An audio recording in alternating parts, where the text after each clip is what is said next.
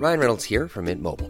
With the price of just about everything going up during inflation, we thought we'd bring our prices down. So to help us, we brought in a reverse auctioneer, which is apparently a thing.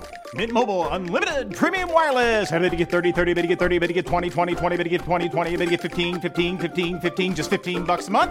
So, Give it a try at mintmobile.com slash switch. $45 upfront for three months plus taxes and fees. Promo rate for new customers for limited time. Unlimited more than 40 gigabytes per month. Slows. Full terms at mintmobile.com. Ready to pop the question and take advantage of 30% off? The jewelers at BlueNile.com have got sparkle down to a science with beautiful lab grown diamonds worthy of your most brilliant moments. Their lab grown diamonds are independently graded and guaranteed identical to natural diamonds, and they're ready to ship to your door. Go to BlueNile.com to get 30% off select lab grown diamonds. That's BlueNile.com for 30% off lab grown diamonds. BlueNile.com.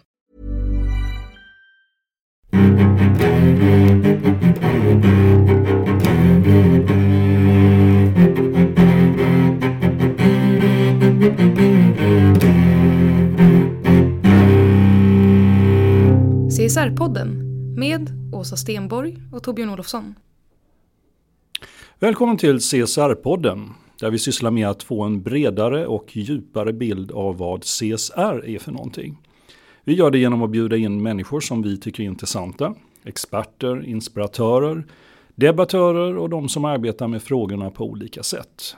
CSR står alltså för Corporate Social Responsibility, vilket kan översättas företagets samhällsansvar.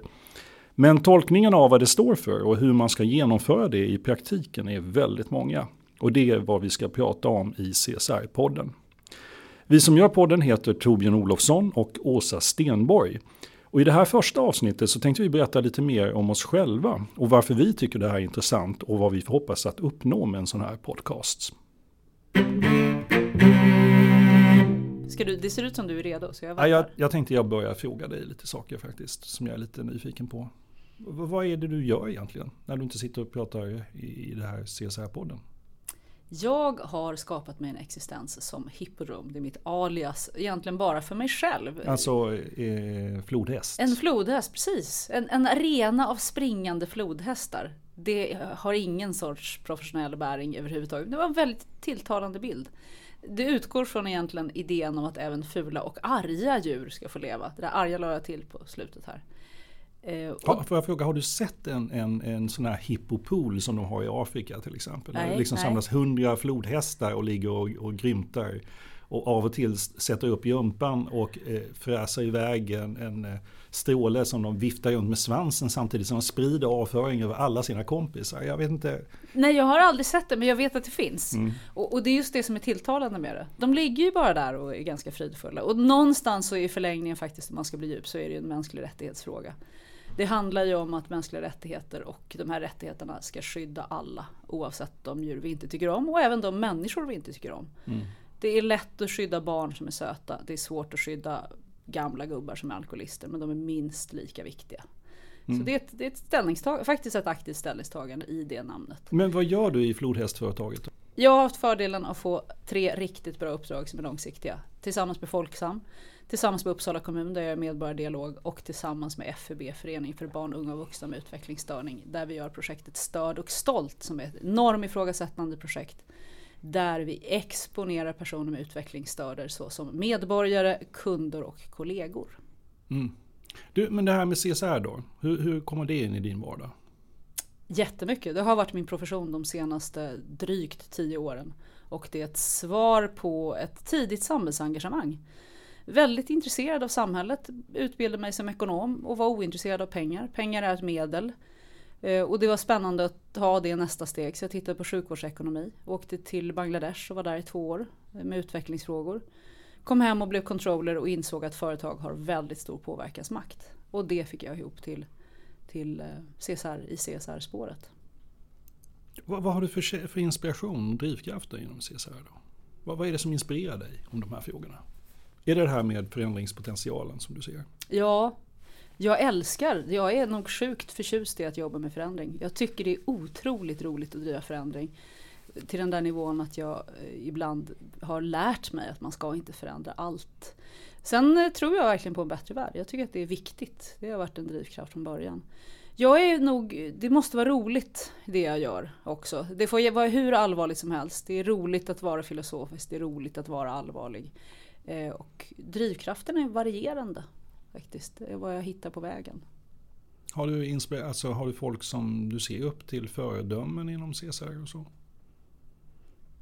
Jag har försökt träna mig på det. Jag tycker det är svårt. Jag, en person det finns kan... ingen som är bättre? Nej, ja bättre är ju väldigt många och, och bättre det är väl mer en norm. Men däremot det finns, all, det finns få personer som samlar flera talanger. Eh, så jag har faktiskt, jag var inte en sån som hade idoler när jag var väldigt ung. Och jag har försökt skaffa mig idoler för det verkar roligt att ha idoler. De jag har kommit närmast idolskap det är faktiskt eh, Anita Roddick som var grundare till Body Shop. Jag har haft nöjet att träffa henne en gång i livet innan hon gick bort. Hon är, var ju en enorm inspiratör och en enorm kraft och jag är väldigt imponerad av de här som hämningslöst gick in och var fullkomligt brinnande för en sak och kommersiella. Eh, Interface grundare är också en av de här som jag tror är fantastiska människor som vi borde tala mycket mer om. Som verkligen skulle kunna vara förebilder på ett annat sätt. Eh, att klara den kombinationen är häftig. Det är jag. Ska jag fråga dig de här frågorna? Ska nu? du göra det? Ja, nu, nu, vem är du Torbjörn? För jag börjar en helt annan ände. Vem jag är? Ja, Eh, Då måste jag först fundera på, ska jag definiera mig som person eller som yrkesperson? Eller? Ja visst Ja. det. Okej, eh, jag definierar mig som yrkesperson då. Jag är eh, kommunikationsstrateg. Jag jobbar med marknadsföring och kommunikation. Och har gjort, eh, jag har jobbat med kommunikation hela mitt liv. Jag började som journalist från början men gled över till företagsköpt information. Och då ville inte Journalistförbundet ha kvar sådana som mig, det var på 80-talet så att då valde jag att lämna Journalistförbundet. Nu kanske jag skulle gå tillbaka till Journalistförbundet för nu är det ju mer vanligt än ovanligt att journalister jobbar med eh, att sälja sig till andra också. Varför gjorde du det valet? Vad drev dig? Jag vet inte, det började bli enerverande att få de här breven från Journalistförbundet som manade till kamp mot sådana som mig som fick brevet. Jag misstror inte Journalistförbundet. Varför valde du att gå från liksom, journalist till att bli köpt, eh, kö, köpa information? Vad var den? För det är ju lite olika självbilder Ja, också. det är det. Och jag tror att det fanns en slags... Eh, alltså jag, hade, jag, jag gillade väldigt mycket det här med att prata med människor om varför de gjorde det de gjorde och försöka förstå det och skriva om det. Men det, det fastnade någon slags känsla av att jag bara ägnade mig åt att beskriva vad alla andra gjorde. Och jag deltog inte själv i det. Och när jag klev över till andra sidan började jag göra saker själv också. Samtidigt så är journalistyrket för många unga idag, tittar man på många av de här samhällsdebattörerna så väljer de att vara journalister för att framföra åsikter och synpunkter och driva förändring. Mm. Och, det, och det kan man ju göra naturligtvis, men till en viss gräns. Och det finns en slags, det beror på vilken typ av journalist man är. Jag vet inte, alltså det du pratar om är egentligen mer debattörer för mig Mm. än journalister. För en journalist ska ju egentligen behålla objektiviteten och försöka lyfta fram båda sidor. Och, ehm, jag vet inte, jag, jag tyckte, men det är mer personligt hamnade jag i att, att jag berättade vad alla andra gjorde, jag gjorde ingenting själv. Och vad gör du nu då? Nu gör jag saker själv. Nu gör jag för företag. Nu jobbar jag med företag och deras kommunikation och hjälper dem att se hur man ska kunna kommunicera på ett bättre sätt. Och bli tydligare och ta position i olika saker. Och det, det, det är på så många plan.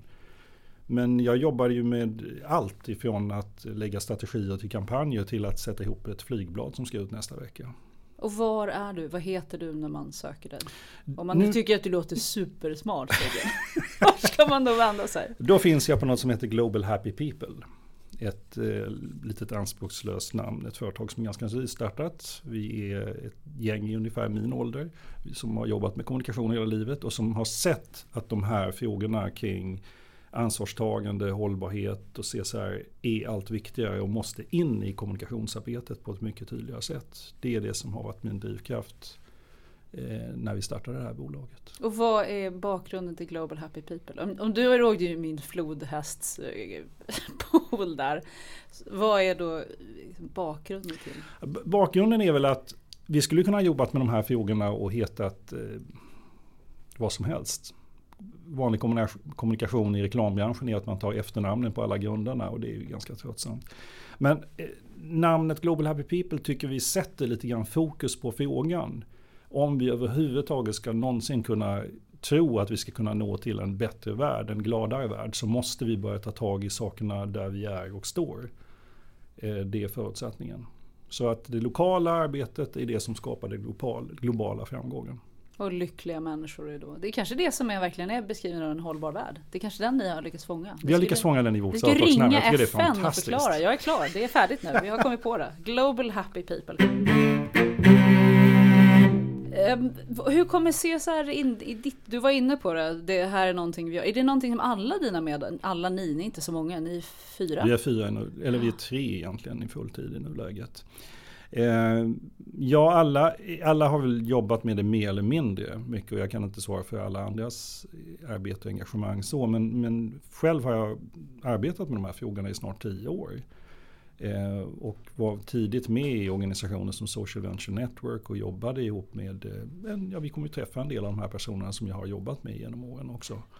Och ehm, jag har också haft förmånen att jobba på byråer tidigare som också har jobbat mycket med samhällsinformation och eh, för organisationer. Så att jag har ju jobbat, det jag har jobbat minst med är ju att sälja tvålsorter egentligen. Det, den typen av reklam har jag ju hållit på väldigt lite med egentligen. För att du inte har lust eller för att det inte har kommit förbi? Mm, det är nog en kombo kanske. Det är ju lite sådär också en vanföreställning att eh, ett företag går ut och väljer byrå hur som helst. Man väljer ju de som är specialiserade på olika saker. Och, eh, den byrå jag jobbade på tidigare, eh, Soja kommunikation, var väldigt mycket fokuserad på eh, offentliga uppdrag. Och då blev det väldigt mycket den typen av uppdragsgivare som dyker upp också. Och man, jag har ju tampat med den här grundtanken av förändring kontra hållbarhet eller CSR. Och du har tampat med kommunikation kontra Ja, CSR hållbarhet. Vad är det som är så, om man, om man ska säga, är det här som att sälja tvål eller tågtidtabeller? Nej, eller, jag vad är det som är speciellt med Ja, men jag tycker det speciella är just det du pratar om. Det är förändringen. Alltså därför att grundförutsättningen för att man ska lyckas förflytta någonting med ko- kommunikationen inom CSR tycker jag är att företaget också vill förändras. Att man vill uppnå någonting med sitt kommunikationsarbete också. Plus att det måste kanske mer än någonting annat hålla hela vägen tillbaka. Därför att så fort du börjar påstå att du är någonting och att du gör någonting inom de här frågorna så måste du verkligen ha tätt bakåt. Du måste verkligen veta att det du säger håller hela vägen. Och vi, det visar sig ju, varenda vecka är det ju exempel på eh, situationer där företag har råkat säga någonting som sen någon har granskat och sett att det här håller inte alls. Och ibland blir det riktigt stora krascher som nyligen Stora Enso till exempel. Är det en tendens? Alltså, om vi kallar, ger det termen greenwash, nu finns det ju nästan human rights wash också. Alltså, kommer vi se fler sådana i framtiden? Ja. Eller? Det tror Jag, du? jag tror vi kommer göra det därför att fler och fler företag har insett vikten av de här frågorna. Men man har inte insett vikten av arbetet bakom frågorna. Så Utan- man går ut på banan men har ingen aning och halkar? Ja, eller man går ut på banan och tycker man har koll på läget. Och sen så har man ändå inte riktigt koll på läget. Och det kan ju vara, det är ju så vittgående frågor. Jag, jag läste nu nyligen, det handlade om det här med schysst resande. Ehm, där man hade tittat på de stora cha- charterbolagens hotell och hur mycket de har liksom kollat att arbetsförhållanden och allting är schysst på dem. Det har man gjort. Men sen samlas la- de skitiga lakanen ihop och skickas iväg till ett tvätteri.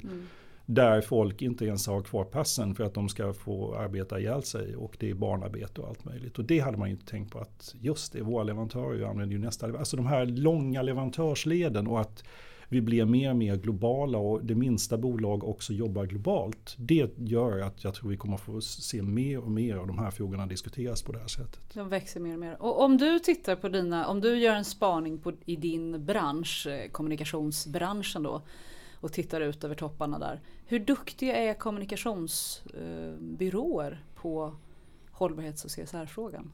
Än så länge tycker jag inte de är så duktiga.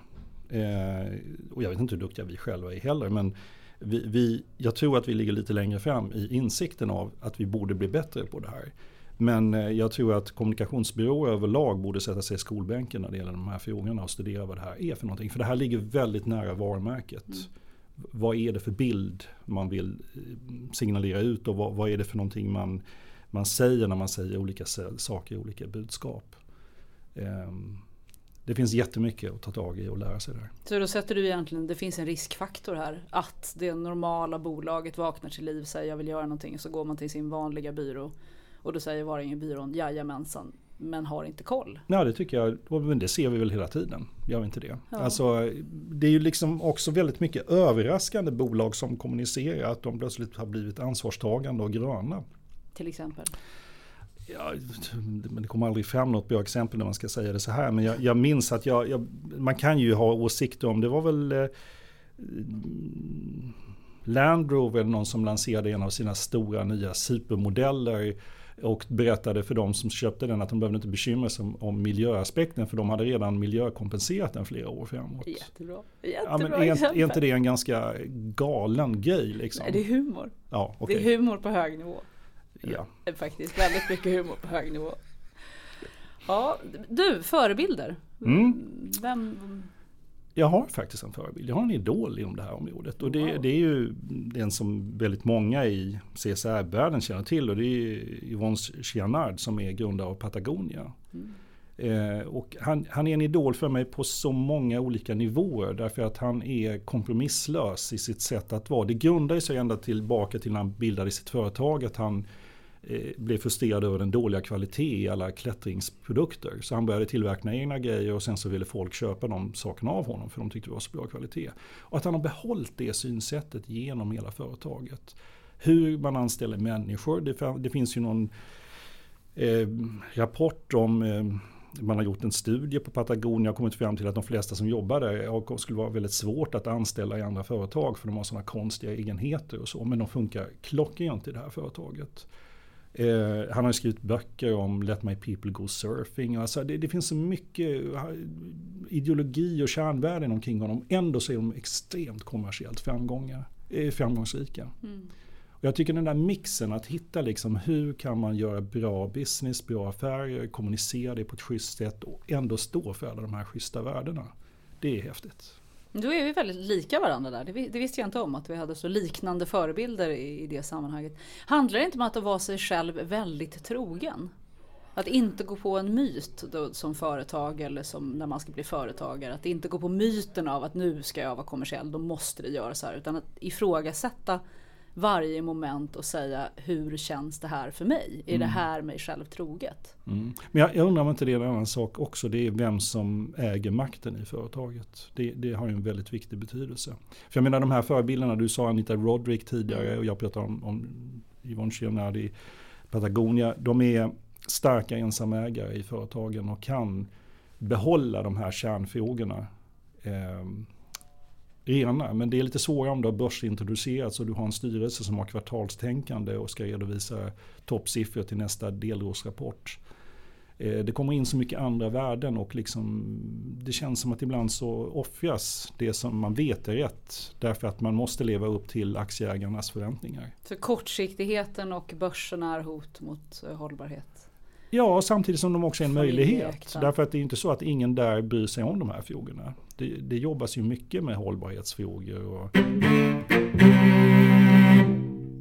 Eh, jag, har, jag är nog mer kritisk till det där faktiskt. Jag tror verkligen att ägarstrukturerna och börsen, framförallt det otydliga ägandet av bolag har varit en av de sakerna som har slagit sönder aktivt företagsansvar kort, jag tror att man faktiskt skulle kunna jobba med hållbarhet på väldigt kortsiktigare perspektiv. Jag tror att där är, vi, är det slentrian när vi säger att man måste tänka 20 år för hållbarhet. Jag tror att man måste bli duktigare på att beräkna caset på tre år. Och, och där tycker jag hållbarhetsvärlden har mycket att göra. Eh, jag tycker att ekosystemtjänster nu har man börjat den resan. Och de, de, går ju att räkna hem på ett halvår om det är riktigt hårda case. Men, men, man har, de som är duktiga på hållbarhet eller miljöfrågor är inte duktiga på kalkylen. Mm. Och det finns för få ekonomer som vågar träda över och bli gränsöverskridande. Eh, men ägarstrukturer är ju ett, och jag har, tycker att det som vi ser nu som etiska granskningar går inte, är inte progressivt nog. När jag började med hållbarhetsresan för ja, 12 år sedan så vet jag att jag höll föredrag med Lars-Olle Larsson som då var en enorm... heter han Olsson? Larsson? Ja. Förebild inom just eh, hållbarhetsredovisningar. Vi pratade om bakvagn och framvagn och vad skulle revideras. Och, alltså vad ett, vad ett bolag verkligen skriver i sin årsrapport är kommunikation och plastikpadding ibland. Det måste vi ju liksom acceptera. Det är ju ett publikt verk. Mm. Eh, och som controller när jag satt mitt i siffrorna så förstår jag plastiken mer än någon annan. För det handlar jättemycket om att säga det här är vad som händer, vad ska jag nu presentera? En controllers uppgift är att manipulera verkligheten med hjälp av siffror. Och det är man duktig på. Allting går att hitta i siffrorna. Alltså redovisningen, bakvagnen, framvagnen med revisorer som är förvirrade kommer inte lösa problemet.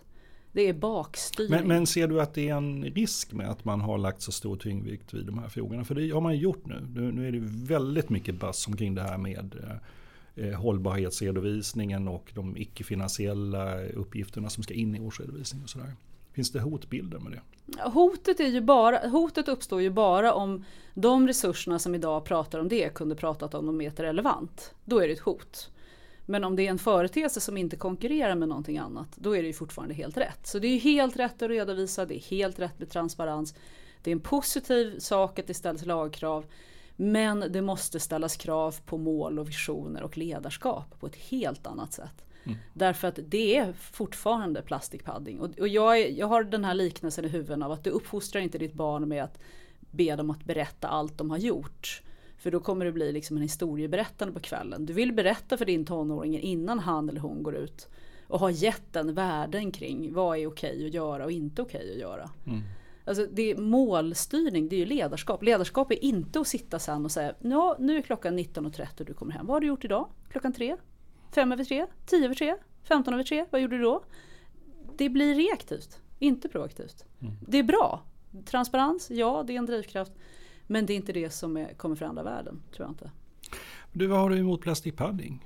Superbra i helt rätt sammanhang. Men du förstod liknelsen av plastikpadding i kommunikationssammanhang. Det tycker jag är lite, det är ju efterkonstruktioner. Mm. Liksom, och det är en beräknad efterkonstruktion. Det är ju det som är skillnaden tycker jag med, det är ju inne i din profession. att En årsrapport kan jag veta när den kommer, jag förbereder mig och här krattar vi och, och filar och sådär och så släpper jag ut den och den är fin och gud vad den gnistrar och det finns priser att få för det också. Oj vilken fin årsredovisning jag gjorde.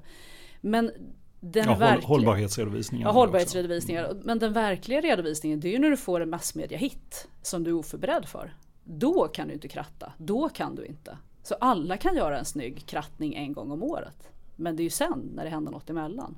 Och det är ju det man är rädd för. Så att, nej, plastikpadding är ju superbra. Mm. Du, om vi går över på det här med den här podden, varför vi håller på med den. Var, ja, varför, varför, varför vill du hålla på med den här? Ja, dels är jag faktiskt sjukt eh, förtjust i, i podcaster. Jag har blivit kraftigt beroende av podcaster i sig. Jag tycker det är jättespännande med ett... Och då vill du gärna höra din egen röst i den. Ja, Ja, det är ju roligt. Nej, men det är roligt att vara med i den rörelse som är podcaströrelsen i någon form. Amatörradio, jätteskojigt att, mm. att göra. Eh, sen brinner jag, jag brinner för de här frågorna och jag tror att det finns ett lärobehov av det. Jag uppfattar att CSR eller hållbarhetsvärden är en ankdamm. Vi använder det begreppet när vi pratar om det i våra, i våra intervjuer. Och, och, det är ju ankdammen vi intervjuar för att andra ska få tillgång till den. Eh, jag har fördelen att undervisa en kurs på Företagsuniversitetet som är sju dagars CSR-kurs. Och de deltagarna vi har är inte i ankdammen och det är superkul att träffa dem. För de är på väg in i ankdammen och att få stå där som en tivoli-entré till ankdammen och, och förklara hur det funkar det är jätteviktigt och jättebra och den dammen måste bli mycket, mycket, mycket, mycket större du och jag borde pra sluta prata med varandra och få ut det till andra. Och det är det vi kan göra med podden. Mm. Jag, jag, jag, upplever ju det också så att eh, det är mm, det är väldigt, väldigt stora glapp i de här frågorna. Därför att du har en, en grupp som har hållit på med det här väldigt länge, som kan alla termer, kan alla berättelser, kan alla fällor och allting. Och de är på något sätt någon slags elitgrupp och de, de kan så mycket så att de är nästan skrämmande för de här andra som inte har hållit på så länge med det. Därför att det finns också en slags politisk korrekthet i det. Man råkade säga bokstavskombinationen fel, bara det här CSR, hur uttalar man det och vad står det för egentligen? Va? Tills jag tror det går upp för människor att okej, okay, men det är ingen som äger sanningen om de här frågorna. Alltså det finns inte en absolut sanning, det finns tolkningar av vad som är bra och dåligt med de här sakerna. Och sen finns det ju en, en jättestor grupp som överhuvudtaget inte vet vad det här är för någonting alls. Och som kanske vaknar upp. Jag träffade något företag för bara några, någon månad sedan. Eh, som i stort sett aldrig har tänkt de här tankarna överhuvudtaget. Men det gick upp för dem i senaste valet att det här med miljöfrågorna höll ju på att bli en väldigt stor sak. Det kommer säkert påverka deras företag också. Och det tycker jag det, det är ju en ganska, det är ju liksom en slags första stapplande steg in i, i hållbarhet och CSR och ansvarsfrågorna. Och det är jätteschysst och det är jättekul att ha en dialog med dem om det här. Men för dem, om de skulle hamna i de här eh, anordnade seminarierna där man beundrar varandras miljöarbete och hållbarhetsarbete, då skulle de bli fullständigt skräckslagna. De skulle inte förstå ett ord av vad som sades där överhuvudtaget. Så jag tror man måste liksom skapa en större tolerans och större öppenhet för att man kan befinna sig lite var som helst i den här processen och alltihop är bra egentligen. Och både, du nämner termer, det håller jag verkligen med om, men sen skulle jag vilja lägga till personer. Det är ju en ankdamm och vi är väldigt duktiga på att namedroppa varandra oavbrutet och alla vet vem alla är och ibland är de släkt. Eh, vilket är ännu konstigare. Och, och, det är ju den ankdammen som vi också vill exponera lite grann och, och, få tillträde till. Vilka är då de här personerna och vad står de egentligen för? Mm. Att, men, men, du, vad, vad, tror vi att en... It's that time of the year. Your vacation is coming up. You can already hear the beach waves, feel the warm breeze, relax and think about work. You really, really want it all to work out while you're away. Monday.com gives you and the team that peace of mind. When all work is on one platform and everyone's in sync, things just flow wherever you are. Tap the banner to go to Monday.com. Hey, I'm Ryan Reynolds. Recently, I asked Mint Mobile's legal team if big wireless companies are allowed to raise prices due to inflation. They said yes. And then when I asked if raising prices technically violates those onerous two year contracts, they said, What the f are you talking about, you insane Hollywood ass? So to recap, we're cutting the price of Mint Unlimited from $30 a month to just $15 a month. Give it a try at mintmobile.com slash switch. $45 up front for three months plus taxes and fees. Promo for new customers for limited time. Unlimited more than 40 gigabytes per month. Slows. Full terms at mintmobile.com. Ever catch yourself eating the same flavorless dinner three days in a row? Dreaming of something better? Well, HelloFresh is your guilt-free dream come true, baby. It's me, Gigi Palmer. Let's wake up those taste buds with hot, juicy pecan crusted chicken or garlic butter shrimp scampi. Mm. Hello Fresh. Stop dreaming of all the delicious possibilities and dig in at HelloFresh.com. Let's get this dinner party started.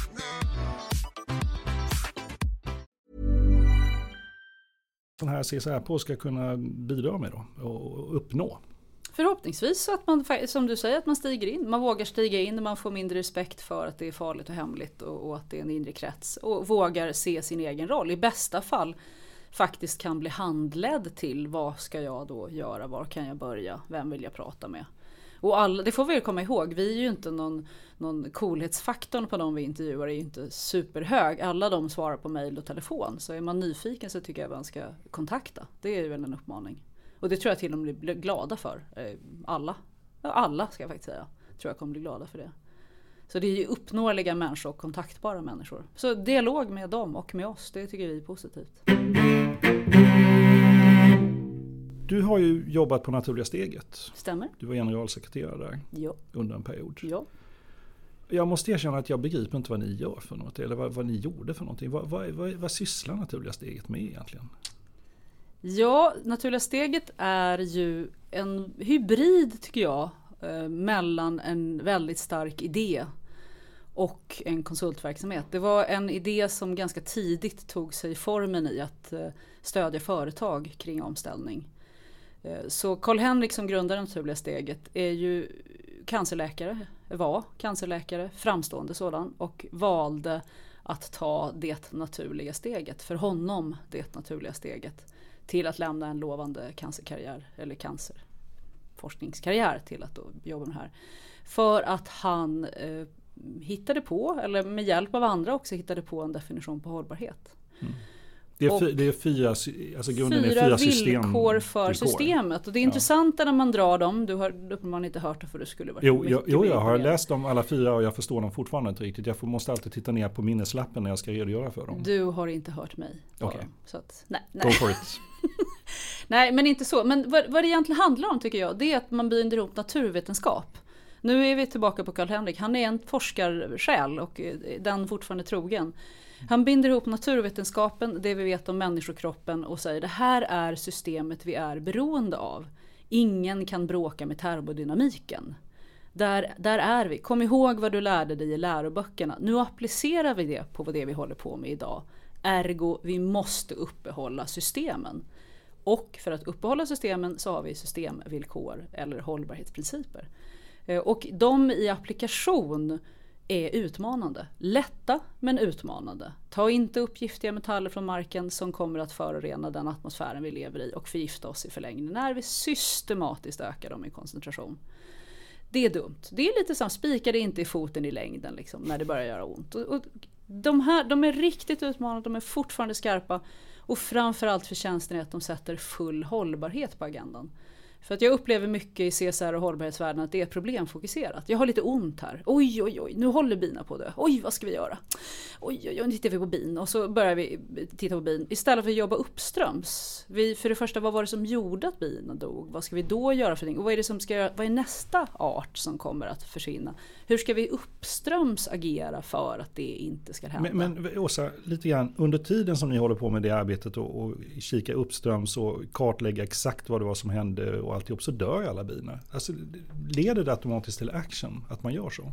De som gör det på allvar gör det väldigt, väldigt bra. Och, och nu, ska, nu, nu, är du ju kommunikatör och vill att jag ska säga det här så jag säger det. Men det naturliga steget hade ju en guldperiod när de nådde ut till alla och det fanns en enormt engagemang.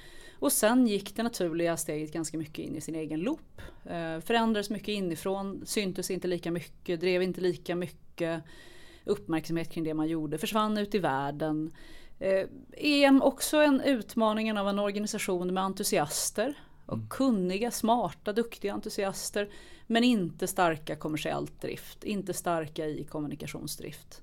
Eh, så nej, det naturliga steget systemvillkor har väl till del förändrat världen men skulle absolut kunna användas av många, många fler. Och är fortfarande just den här abstraktionsnivån som du fastnar på.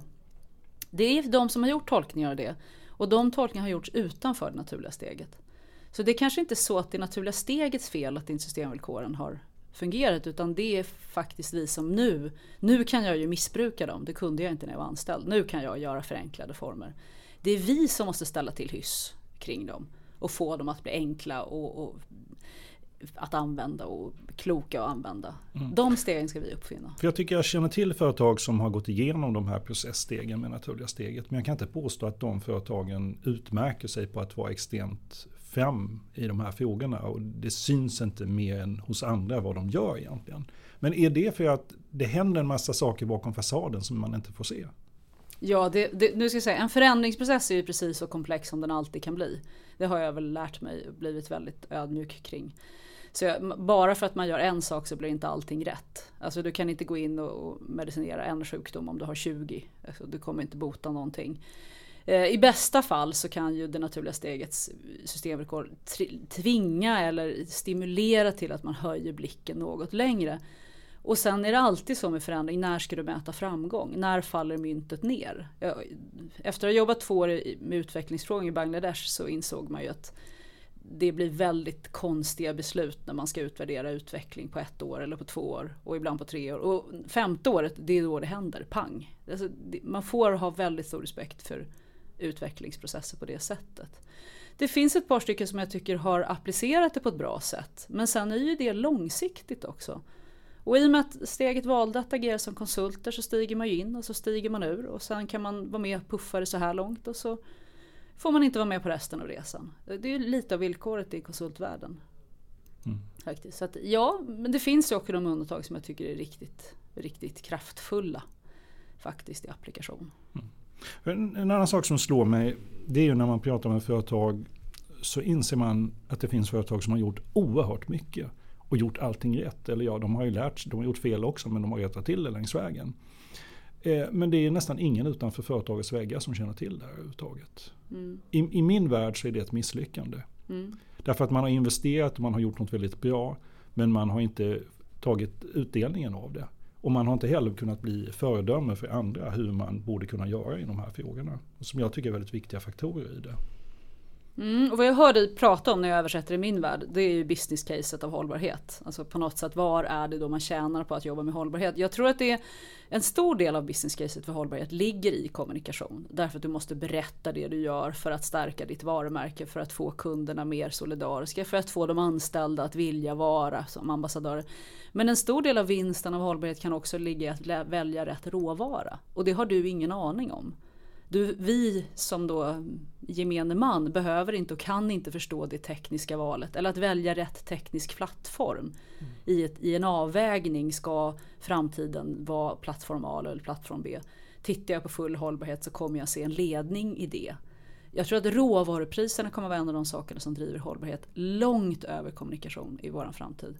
Därför att det, och logiken av begränsade resurser, en population som är stor och lever längre säger att råvarupriser kommer att bli en utmaning. Och då, då är det verkligen, jag är ekonom så jag är ödmjuk för det här utbud och efterfrågan. Det är inte perfekt, verkligen inte perfekt. Det är mycket saker som händer däremellan. Men råvarupriser kommer att vara viktiga. Så att, du har till del rätt men jag ska också säga att du har till del fel. För, för många kan det vara väldigt mycket internt. Eh, och risker, att minimera risker. En leverantör som är duktig på arbetsförhållanden, duktiga på att granska sina egna leverantörer kommer också vara en stabilare leverantör. Mm. Så det kanske inte ligger i mitt intresse att berätta för dig att jag har granskat dem. Men jag vill ha stabila leverantörer som inte får en plötslig strejk. Och som inte får en, en upp, uppror eller en brand eller ett hus som rasar. Ren men, riskkalkylering alltså. Men öppnar inte det för att mina mindre nogräknade konkurrenter börjar kunna plocka poäng på det här? Jo, kommunikativt i din värld. Absolut. Absolut, det har du helt riktigt i. Men, men internt, risk är ju att en, en, en, ett hus som rasar och då kommer mina mer tillräkneliga, mindre tillräkneliga konkurrenter ha ett hus som rasar. Så kommer jag säga oj, nu har inte du någon fabrik där längre i Bangladesh. Det var väldigt synd. Mm. Men det har jag. För jag kollade min fastighet innan. För jag tänkte längre. Grattis till mig.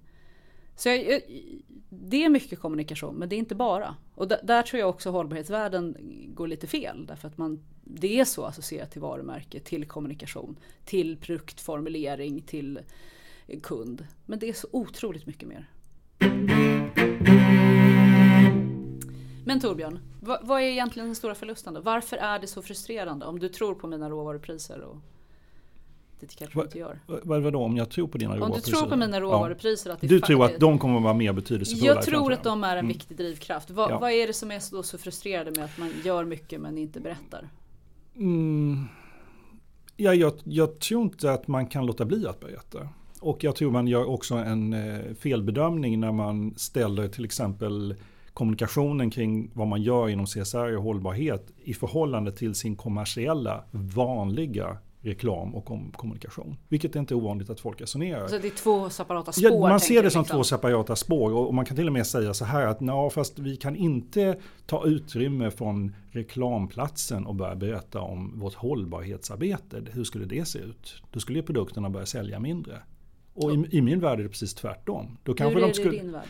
Därför att jag tror att konsumenter allt mer kommer att bry sig om de som säljer produkterna, vad de står för för värden. Därför att de säger någonting om mig som köpare också. Om jag skiter i hur den här produkten är gjord eller om jag bryr mig väldigt mycket om hur den här produkten är gjord. Och det kommer öka trycket på företagen att kommunicera de här sakerna väldigt tydligt. Det här står vi för, det här jobbar vi med, det här är vi fullständigt skitdåliga på. Men det har vi ett program för och om två år kommer vi redovisa hur vi har löst det.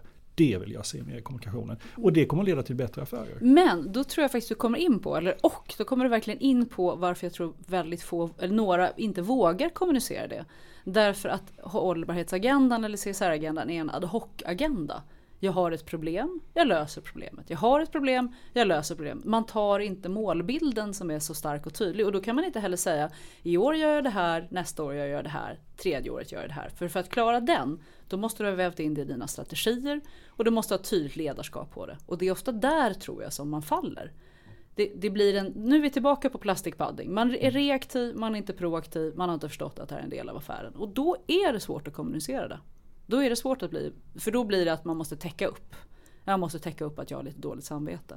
Mm. Och då är det en dålig kommunikation. Så att saknar du, har man inte strategin kan man inte göra kommunikationen. Det är väl jag, jag, tror att de här, jag tror att de här frågorna kommer förändras, men jag upplever att man är väldigt mycket i ett vägskäl nu. Och det finns de som har liksom förstått behovet av det och förstått vilken väg man ska gå. De, de gör det bra. Eh, och det finns jättemånga som behöver göra den insikten och den upptäckten. Sen kan jag vara lite kritisk mot allt snackande som är i den här branschen också omkring de här frågorna. Man har konferens på konferens och man, det är ungefär samma deltagare som dyker upp och säger ungefär samma sak och man tycker att man förändrar världen genom att ha seminarier. Och eh, jag, jag, vet inte, jag ser väldigt lite action av det, ärligt talat. Mm. Väldigt mycket snack, väldigt mycket skrivet och pratat, men väldigt lite gjort. Ja, sen har ju många av de konferenserna då mm, har blivit väldigt mycket halleluja-stämning också. Att allting går så himla bra. Det, det, tycker jag på gränsen till naivt. Därför att det måste också, vi måste identifiera att det är en gigantisk utmaning vi har framför oss och vara ödmjuka inför den. Men du, det här klimathotet det är väl avvärjt nu, eller hur? Ja, det är färdigt. Det, jag menar, det var ju populärt för några år sedan när Al Gore höll på, men sen har det väl, det, det är okej nu, eller hur är det? Nej, jag tror att vi har lite kvar kanske. Nej då. Men resandet har ju ökat och är mer än någonsin. Så att, ja. uh, Nej, men det, men, då, men, men, men, det, finns, ja, men det finns en motsättning. Det finns en motsättning man ser i IPCC-rapporten och sen går man på Sustainability Day och mm. där har vi löst problemen och alla är jätteduktiga och visar goda exempel på scenen. Och, och, här är det goda exemplet istället för att säga det finns 80 miljoner dåliga exempel. Och sen så har vi ett undantag. Vad ska vi göra åt problemet? Jag, jag skulle vilja gå så långt så att säga att alla som är nöjda med sitt eget CSR-arbete, de ska tänka om. För att det, det, går inte att vara nöjd så länge vi har den värld vi lever i just nu. Gud vad du var hård där. Nu vad var roligt, det var intressant. Det, skulle, det skulle inte jag hålla med om faktiskt. Jag tror man kan vara nöjd med sitt eget CSR-arbete eller hållbarhetsarbete utifrån sin egen kapacitet. Ja men det håller jag med om. Och det är där det skon klämmer. Det gäller att skatta sitt ansvar, sin kapacitet och inte utifrån det begränsade perspektivet. Utan utifrån vad är jag beroende av? Var kan jag göra största möjliga impact? Vad har jag för resurser? Mm. För jag kan inte lägga ner min verksamhet och bara bli hållbar. Jag måste bedriva min verksamhet men gå i rätt riktning stegvis. Och då är vi tillbaka, tydliga visioner, tydliga mål. Våga mm. stega sig åt det hållet. Men jag måste se också att jag ingår i ett större sammanhang. Absolut. Om jag har ansvar för att städa toaletterna på plan 3 och jag har gjort det så det är skinande blankt, det är det snyggaste, renaste, finaste toaletten i hela världen. Fast den är på Titanic då har jag ju problem. Även om mitt arbete är det mest fulländade så kommer det ju gå åt skogen ändå, eller hur? Ja, det håller jag med om. Men jag, jag tror att det var en sak som jag nog konstaterade rätt tidigt. Att den enda jag... Jag gjorde ett arbete för ganska länge sedan som var på uppdrag av Trafikverket på den tiden. Som Trafikverken hade vaknat och sagt Oj, kolla det finns en CSR-fråga. Vad ska vi göra nu? Och de råkade ringa mig och jag råkade svara i telefonen. Så sa en, en röst på andra sidan. Hej, jag heter Fredrik Orven. Jag undrar, har trafiksäkerhet någonting med CSR att göra? Varpå jag sa, ja det verkar väl rimligt. Det är ju människor som skadas. Skulle vi kunna göra ett samarbete kring det? Och sen var det faktiskt en lång och ganska lycklig resa. Det första vi frågade oss med de företagen, för vi gjorde ett samarbete kring tunga transporter på väg om hur beställer man bra transport, eh, transporter egentligen. Fortfarande en extremt het fråga. Um, och det första vi gjorde var att ta in Thomas Brytting som kom och redde ut egentligen vad har man för ansvar. Eh, och då lekte jag i min huvud leken 100 delar ansvar. Där vi säger vi har 100 delar, nu, jag är ju ekonom då, så det är 100 delar ansvar på bordet, du tar hälften, jag tar hälften. Det funkar inte så. Jag har 100% ansvar för allt det som är mitt. Om du och jag har överlappande ansvar då är det jättebra, då gör vi det ihop. Men jag kan städa toaletten på Titanic och fortfarande säga jag har gjort vad jag kunde. Och, och nu den, går vi under. Ja, och nu går vi under. Med en ren toalett. Ja, det, och det är precis. Sen kan jag ju bli deprimerad över att jag förstår att vi går under. Men, men jag kan fortfarande ha gott samvete och säga jag gjorde vad jag kunde. Sen ska jag komplicera den bilden ett, ett snäpp eh, till. Dels var säga, jag tror att man måste titta på sin sphere of influence. Vad kan jag egentligen påverka? Och jag tror att en toalettstädare idag kan förändra världen. Jag kan väl anse mig själv som toalettstädare. Tittar jag på min sphere of influence och så tittar jag på den kanadensiska kvinnan och sa jag hatar klusterbomber. Jag blir så förbannad på klusterbomber. Och så slog hon näven i bordet och så, så fick hon dem lagligen förbjudna på hela planeten. Jätteimponerande. Alltså vi har såna enorma möjligheter. Dora Parker sitter längst bak i en buss och säger jag vill inte sitta längst bak längre. Jag går och sätter mig längst fram. Och världen tittar på henne och kommer ihåg henne. Varenda vi har tillfällen där vi kan förändra världen. Och de försitter vi om vi inte är på tårna och beredda. Mm. På något sätt. Så att, Sphere of Influence, enorma möjligheter. Gör din analys. Var har jag min huvudimpact? Vad är det jag behöver ta ställning till? Även om det ligger långt borta. För en dag kommer det ligga i ditt knä. Och den stunden är tre minuter. Tar du de tre minuterna förändrar du världen. Tar du dem inte, då har du missat dem.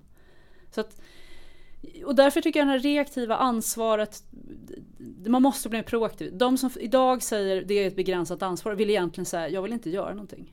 Det är, där man egentligen, det är det man egentligen säger. Det är fel väg. Rätt väg att säga proaktivt. Kärnverksamhet, kärn, vad är min kraft? Var lägger jag min kraft? Där ska jag verka. Nej, jag kommer inte göra allting rätt. Jag kan sakta men säkert göra allting rätt. Mm. Är, är, är, du positiv? Tror du att det kommer lösa sig? Kommer det gå bra det här? Nu pratar jag inte om CSR-podden, jag pratar om, om världen som helhet. Oj, kommer det Jag, jag är en av dem som, inte, som tror att vi är faktiskt på, i många fall på Titanic. Världen som vi känner den kommer att förändras och det kraftigaste. Jag tror på det vi säger om att vi kommer att lämna en värld som är i sämre skick. Jag ser att jag måste ge min son en annan kompetens än vad jag har. Jag vet inte riktigt vilken den är. Jag är allvarligt kritisk eh, till, till vad som händer Eh, i, i världen. Och jag, jag, tror att det, vissa system kommer att falla och när ett system faller vet man bara en sak, det är att man inte vet. Men, men framtida världskrig kommer vara om vatten och Sverige kommer ligga i mitten av det världskriget för vi har så mycket vatten och vi värderar det lite slentrianmässigt idag men det är framtidens viktigaste råvara. Och vi ser för lite in i framtiden. Det ligger inte i ett ledarskap att se i framtiden idag. Det ligger ett ledarskap att klara finansåret ett år det är inte bra alls. Jag är, jag är allvarligt bekymrad. Men glatt optimistisk i mitt toalettstädande samtidigt. Mm. Jag, jag, har en idé också när det gäller det här med CSR. Att på, på många sätt så är det ju en kompensation för någonting som har gått förlorat. Någonting som har funnits naturligt. CSR är egentligen inte en ny sak. Det här med eh, företagarens eller ehm, eh, entreprenörens ansvar för det samhälle den verkar i jag menar backar vi tillbaks till den gamla tidens handlare som var nod i de samhällena. Eller godsägare. ja, eller godsägare som kunde ge kredit till de som behövde det och liksom stötta de som behövde det. Och det fanns naturligtvis fullständigt odrägliga både handlare och godsägare. Men de goda exemplen har funnits och har byggt samhällen över tid. Och någonstans så finns där ett slags långsiktighet och en slags insikt i sin egen roll i ett sammanhang som har gått förlorad som jag tycker. Och därför känns det väldigt, alltså det här med CSR har blivit som någon slags ny sak som kommer inrullande från vänster. Men egentligen så borde den ju ha funnits med i, vår verksamhet, alla våra verksamheter i alla tider. Mm, och inrullande från vänster menar du faktiskt inte från Nej. vänster politiskt. Nej, det är inrullande, absolut. absolut. Nej, jag håller med dig, jag håller verkligen med dig. Jag, jag tror också att det är en ny gammal företeelse och möjligtvis att Förut fanns det den goda godsägaren så fanns det den onda godsägaren och nu hoppas man väl kanske att nu det ska finnas onda. en Ja, vet vi kanske i så fall, ja den negativa synen är att alla är onda. Det kanske är så att vi går från den onda till att det sätts en standard av ett mera gott. Mm. Men, men jag tror att både på individuell nivå och på företagsnivå så har det funnits oerhört länge. Sen är det mer komplext nu. Jag, jag, brukar argumentera att om jag var granne med min egen sophög så skulle jag börja hushålla. Därför att jag skulle inte kunna se mitt hem efter ett år antagligen. Eh, så att det är ju, systemen har ju blivit mycket mer komplexa och vi ser inte myntets baksida. Jag tror verkligen att vi skulle ha en, ett obligatoriskt studiebesök i en sopstation, på en avloppsreningsanläggning, mm. på en kyrkogård, på ett äldreboende, på ett... De där samhällets baksidor som vi missar, det gör mm. också att vi tar fel beslut. Är, är företag som inte satsar på det här med CSR och hållbarhet, är de onda? Eh, nej, de är absolut inte onda. Eh, det, det, det, första som händer när man stiger in i ett företag av den kalibern du beskrev, så säger oj, jag tror att det här ligger på mitt bord. Någon har sagt att jag ska göra det här. Det är ju ofta att man hittar väldigt mycket agenda innan de har satt ihop det. Alltså man, man gör många bra, ofta gör man väldigt många bra saker.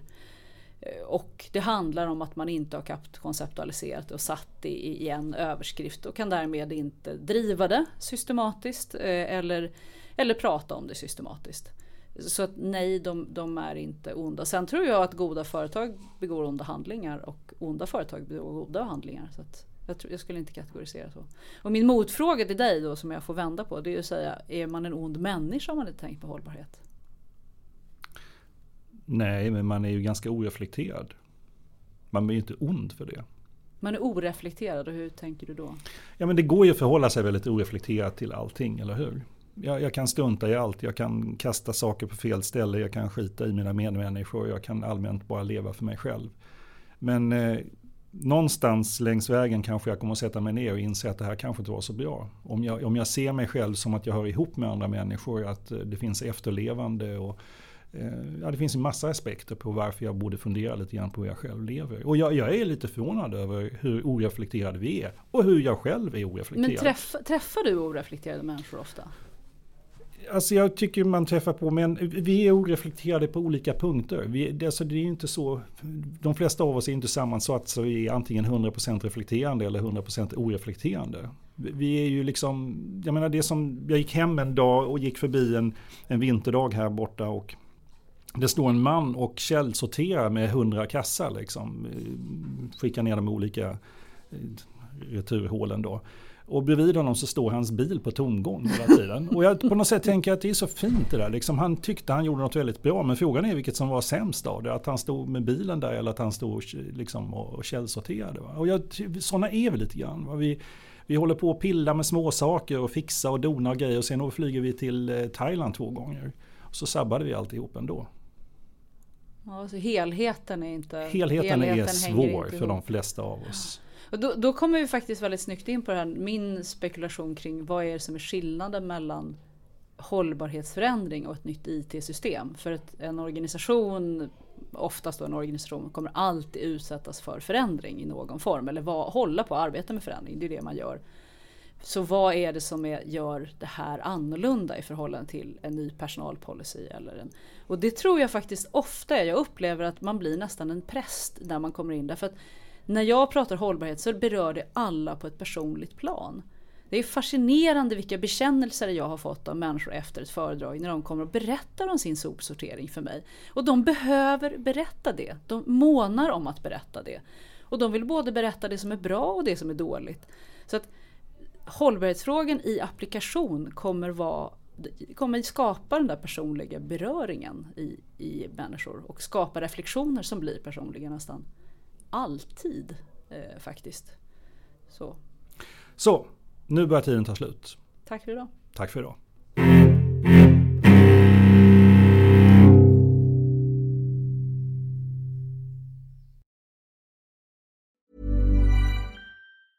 Ever catch yourself eating the same flavorless dinner three days in a row? Dreaming of something better? Well, HelloFresh is your guilt-free dream come true, baby. It's me, Gigi Palmer. Let's wake up those taste buds with hot, juicy pecan crusted chicken or garlic butter shrimp scampi. Mm. Hello Fresh. Stop dreaming of all the delicious possibilities and dig in at HelloFresh.com. Let's get this dinner party started. Hi, this is Paige from Giggly Squad, and I want to talk to you about Splash Refresher and my water intake. Okay, so you guys obviously know that I'm a hydrated girly, but sometimes when you drink that much water, it starts to just taste bland, and you're just like, I need something to spice it up. That's why I love Splash Refresher. It has zero sugar, zero calories, and it's a splash of sweetness. And they come in five different flavors. They're so good. Wild berry, acai grape, pineapple mango, lemon, and mandarin orange. My favorite is the wild berry because I just I just love a berry. So if you're like me and you're drinking water all day, then try Splash Refresher. It's going to absolutely change your water game and it's good for you.